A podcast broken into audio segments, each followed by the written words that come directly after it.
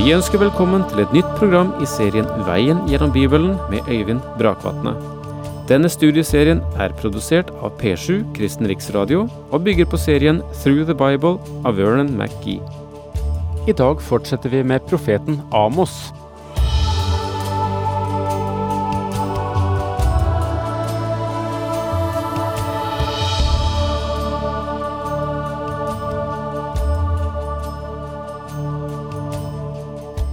Profeten Amos kom fra ørkenen i syd, nær eh, landsbyen Tekoa. Den har aldri eh, vært eh, særlig berømt. Det er få mennesker som vet hvor den befinner seg på kartet. Men likevel så finnes der én mann fra Tekoa denne ukjente lille klyngen med hus som Gud så, og som Gud brukte. Han gikk forbi mange andre, men når han plukket ut ett av sine profetemner, gikk han til en sauegjeter som passet sine får, og som samlet morbærfiken for å få litt ekstra føde og utkomme.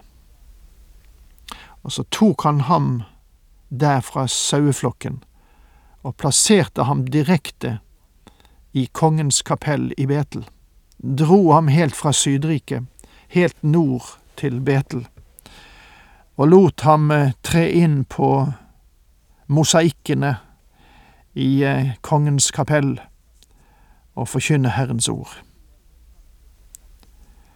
De mange finslige predikanter som fantes der fra før, skjøv Gud til side og plasserte Amos i deres midte. Det er viktig, mine venner, at vi er tro mot alt Guds ord, så at ikke vi også, som forkynner i dag, skal bli skjøvet til side og være ubrukelige redskaper. Amos var tro i alle ting. Han erkjente at han ikke var en stor profet, at han ikke kom fra en profetslekt, at han ikke kunne preke, men det var én ting han aldri kunne løpe fra, at Gud hadde kalt ham, og det var hans adelsmerke.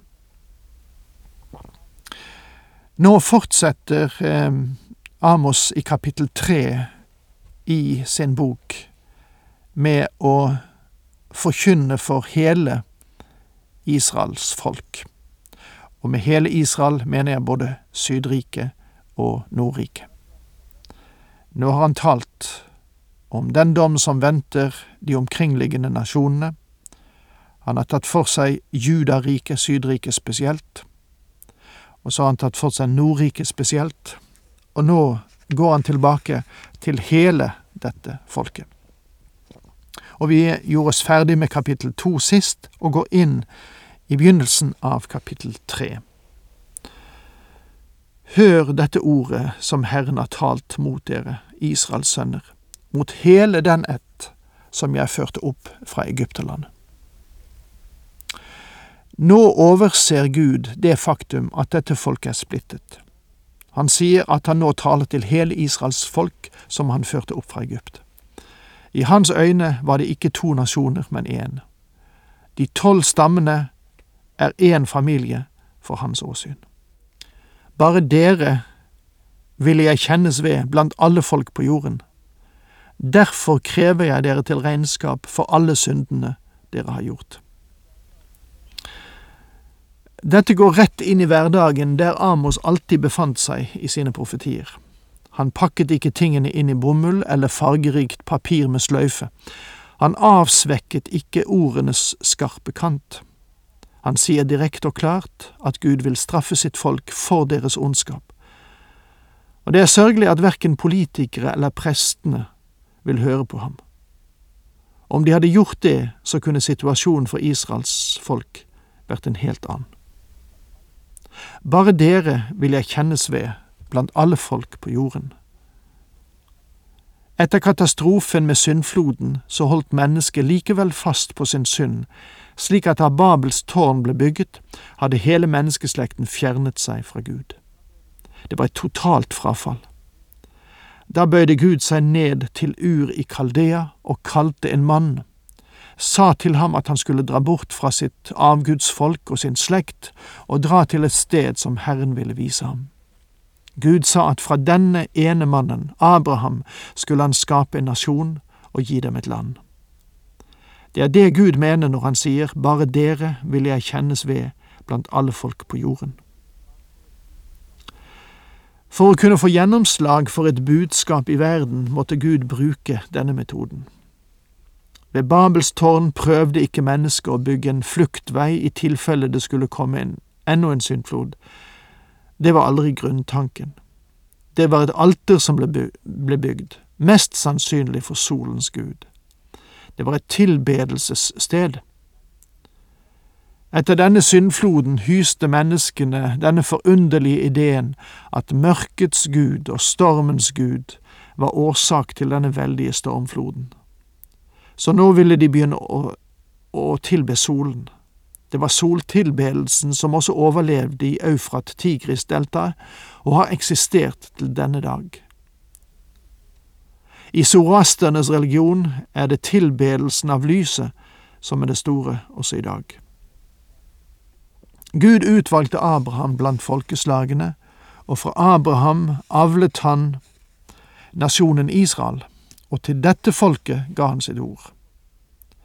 Hans målsetting var at dette folket skulle formidle hans ord til hele verden, og det er Guds målsetting for oss også, mine venner.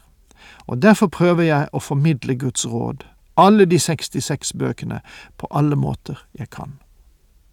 Derfor krever jeg dere til regnskap for alle syndene dere har gjort.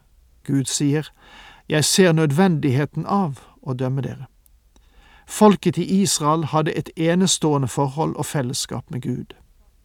Gud hadde gitt dem sine bud, og årsaken til at han dømmer Israel så sterkt, er at de har brutt så mange av de forordninger som han ga dem. La meg igjen understreke at lys skaper ansvar. Et opplyst folk har et større ansvar enn et folk som lever i mørket.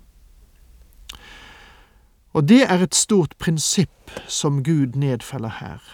Han har en hardere dom for dem som har tatt imot lys, enn over dem som lever i mørket. Den Herre Jesus nevnte også at noen ville få færre slag og andre flere slag. Det mennesket som hører Guds ord, har et større ansvar enn det mennesket som ikke gjør det. Derfor ser det ut til at det er grader i straffen. Gud gjør det klart at han vil dømme dem for deres ondskap. Mange mennesker ønsker i dag å høre om Guds kjærlighet, og Guds kjærlighet er vidunderlig, og jeg blir aldri trett av å understreke denne veldige sannheten som gjelder hvert menneske på denne klode. Det er noe vi må hvile i og fryde oss over. Guds kjærlighet finner sitt sterkeste uttrykk i Kristi kors. Så høyt har Gud elsket verden at han ga sin enbårne sønn. Korset er det store krysningspunktet der Gud åpenbarte sin kjærlighet, og når denne kjærligheten blir fornektet, så står det ikke noe annet tilbake enn dom. Mange mennesker mener at Gud ikke burde straffe, siden det ikke er de som styrer universet. Jeg er av den oppfatning at deres synspunkt ikke vil bli fulgt. Gud har allerede sagt at han er hellig, rettferdig, og at hevnen hører ham til. Dom over synd er en logisk konsekvens. Faktisk er det mange spørsmål som blir stilt og må besvares, og som klargjør at profeten Amos virkelig trekker logiske slutninger. Han tar for seg visse grunnleggende sannheter.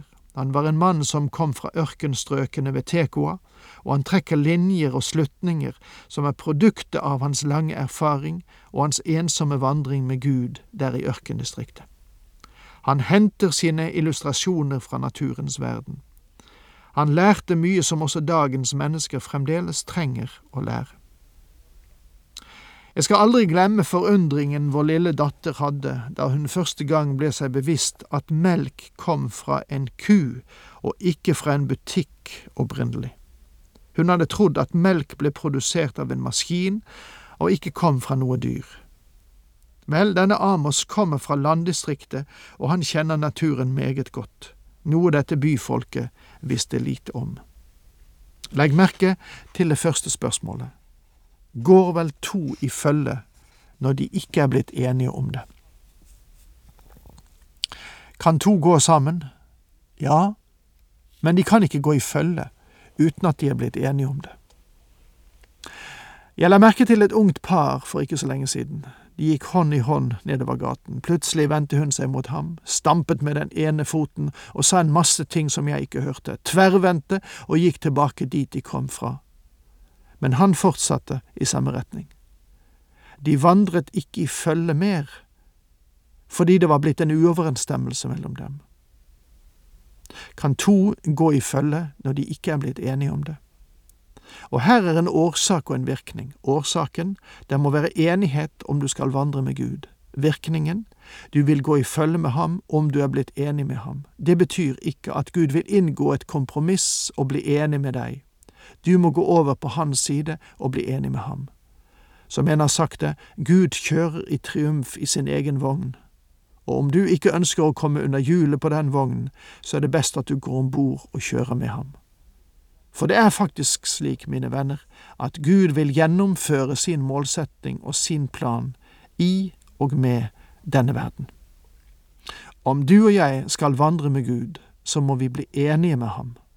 Amos har nedfelt et grunnleggende prinsipp i dette første spørsmålet, går vel to i følge når de ikke er blitt enige om det.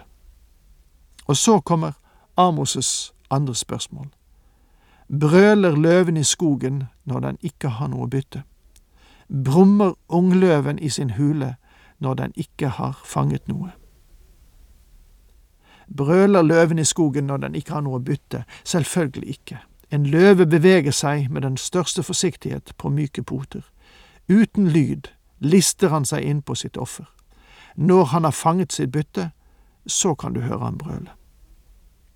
Brummer ungløven i, sitt, i sin hule når den ikke har fanget noe? Nei, den lille løvungen er helt lydløs, for mammaen har fortalt ham at han skal holde seg stille mens hun er borte og fanger noe som han kan ete.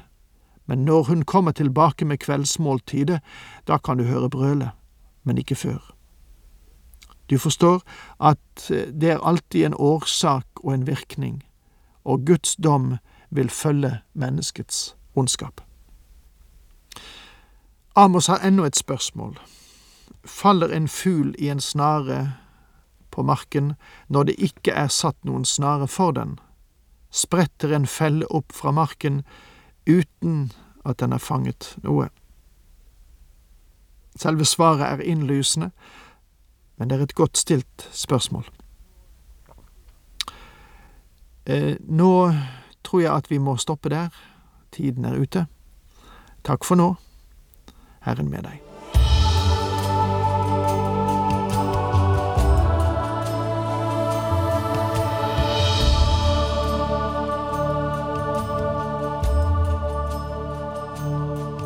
Du hørte Øyvind Brakvatne i studieserien Veien gjennom Bibelen.